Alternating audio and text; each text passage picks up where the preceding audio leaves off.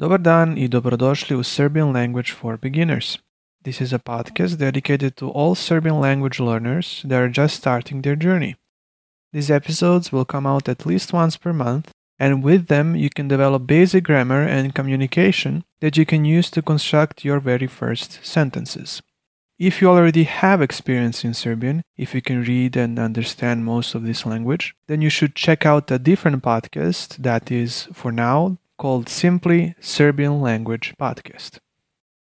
Both versions of a podcast come with a transcript, texts in Serbian and English, so the learning process goes clearly and smoothly. If you have any questions, if you want to have an online lesson with me or to acquire the transcript, you can write me at nikola.pujic at gmail.com. So the first lesson can begin. Zdravo, ja sam Nikola. Kako se ti zoveš? Hello, I'm Nikola. What's your name? When you learn any language, one of the first things that you should learn is how to introduce yourself. Serbian language is no different from English in that matter. There are a couple of greetings you can use. Dobar dan, which means good day. Zdravo, which means hello.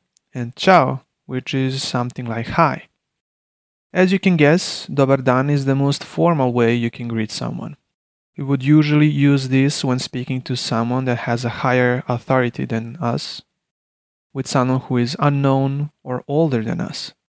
Basically, it is a very polite greeting.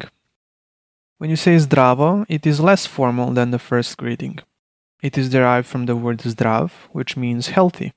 You can use this in any occasion that you find comfortable for example, when speaking to friends or when you walk into a shop. Ciao. Ciao is the least formal greeting. Yes, it is probably borrowed from Italian, and it is mostly used when you talk with your friends or people that you see often and you consider to be close to you. While we are at it, let's take a look at how would you use other greetings. So, you can probably guess that the word dan from dobar dan means day. Therefore, if word jutro means morning and veče means evening, you can say dobro jutro, which means good morning, and dobro veče, which means good evening. When you want to leave, you can say doviđenja, which means goodbye, or the ones from before, zdravo or ciao. It is very important to always learn new words and expand your vocabulary. But grammar is something that serves as a backbone to your language learning process. For example, in the sentence I used before, verb to be is in the first person singular, and that is sam. I used it with the personal pronoun ja, which means I. Ja plus sam equals ja sam. Like in English, I plus am equals I am. Now, what if I wanted to say you are? Logically, I probably won't use all the same words. I would say ti si, which means you are. As you can notice, uh, the word sam that we had in the sentence ja sam now changed to si in the sentence ti si. Why? It's actually the same as in English, we just put it in a different person, in a second person singular to be exact. As in English, it does not sound the same. You cannot say ja si or ti sam because the personal pronoun and the verb are not in the same person. These two things, personal pronouns, ja or I, and the verb to be, like sam or am, are the backbone to the most of world languages, including Serbian. And all of this is available in my online Serbian course, lesson by lesson. So, with these two parts combined, you can easily form your first sentence. For example, now you know how to say your name. Ja sam Nenad or Ja sam Milica. Or you can ask for other person's name. Ti si Nenad? Ti si Milica?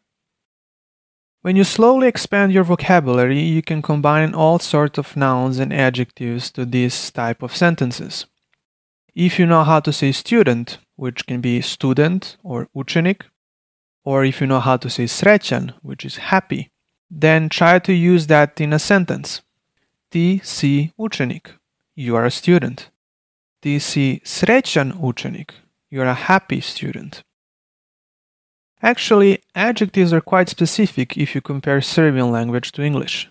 All adjectives are very fluid words. What does that mean? Every word has its form, the way it looks outside. Adjectives can change their look according to the word they describe. If a word in Serbian is masculine gender in singular, the adjective that describes that word will be in masculine gender singular. If it's in feminine plural, for example, the adjective will also be in feminine plural. So if you're speaking to a girl or a woman, you wouldn't say ti si srećan. You would rather say ti si srećna or ti si srećna devojka. Now the word that means happy changed its look. In this example, it is srećna because it refers and describes a word that is a feminine gender, devojka. In the first example, it described a word that is a masculine gender, učenik. So the word happy was in a different form. It was srećan. This is just an example of what Serbian language can do. There is a lot more than this that can be discovered step by step. Once you master the grammar, all of this will come naturally and will get easier and easier. Now, let's take a look at some words that you probably already know. What can these words mean? Adresa, analiza, anatomija, ballet, energija, mai, muzej, politika, sport, turista, imitacija, čokolada, škola, apartman. Is there any word that you didn't understand? If yes, probably just one or two of them. All these words are internationalisms. They are used in most of world languages, and there is a lot of them in Serbian, of course. So that means that you already know a good amount of vocabulary of the Serbian language. Let's take a look at this text exercise. U hotelu. Dobar dan. Kako se zovete? Dobar dan. Ja sam Petar Petrović. Vi ste Srbin? Da, ja sam Srbin. Aha, niste turista. Nisam. Izvolite vaš ključ. Hvala. Gdje je apartman? Apartman je levo. Hvala. Doviđenja. I can give you a translation of this dialogue. In the hotel. Good day. What is your name? Good day. I'm Petar Petrovic. You're a Serb? Yes, I'm a Serb. Aha, you're not a tourist. I'm not. Here's your key. Thank you. Where's the apartment? The apartment is on the left. Thank you. Goodbye. Did you understand anything from this conversation? If yes, then you are already at a good path and you know a little bit of Serbian. If not, don't worry. All of this can be mastered in a couple of basic lessons. It is good to analyze each text you encounter. What types of words are in there? Are there any verbs, nouns, or adjectives that you don't understand? In which form are they showing up? For example, in this dialogue, we had the verb to be, but in negative form. In the sentence, aha, niste turista, and the answer, nisam. Word nisam is actually the negative from sam or jesam, which means am, as in I am, ja sam. Compare that to I'm not, ja nisam. With all of this said, try to experiment with the language you learn as much as possible. Don't be afraid of a mistake because we learn on them. It's good to have a tutor or some daily source of language which you can use to correct your mistakes. If you learn to say srećan, for example, try to use it in every sentence of the Serbian language, or try to combine it with other nouns and verbs just to see how it would look like.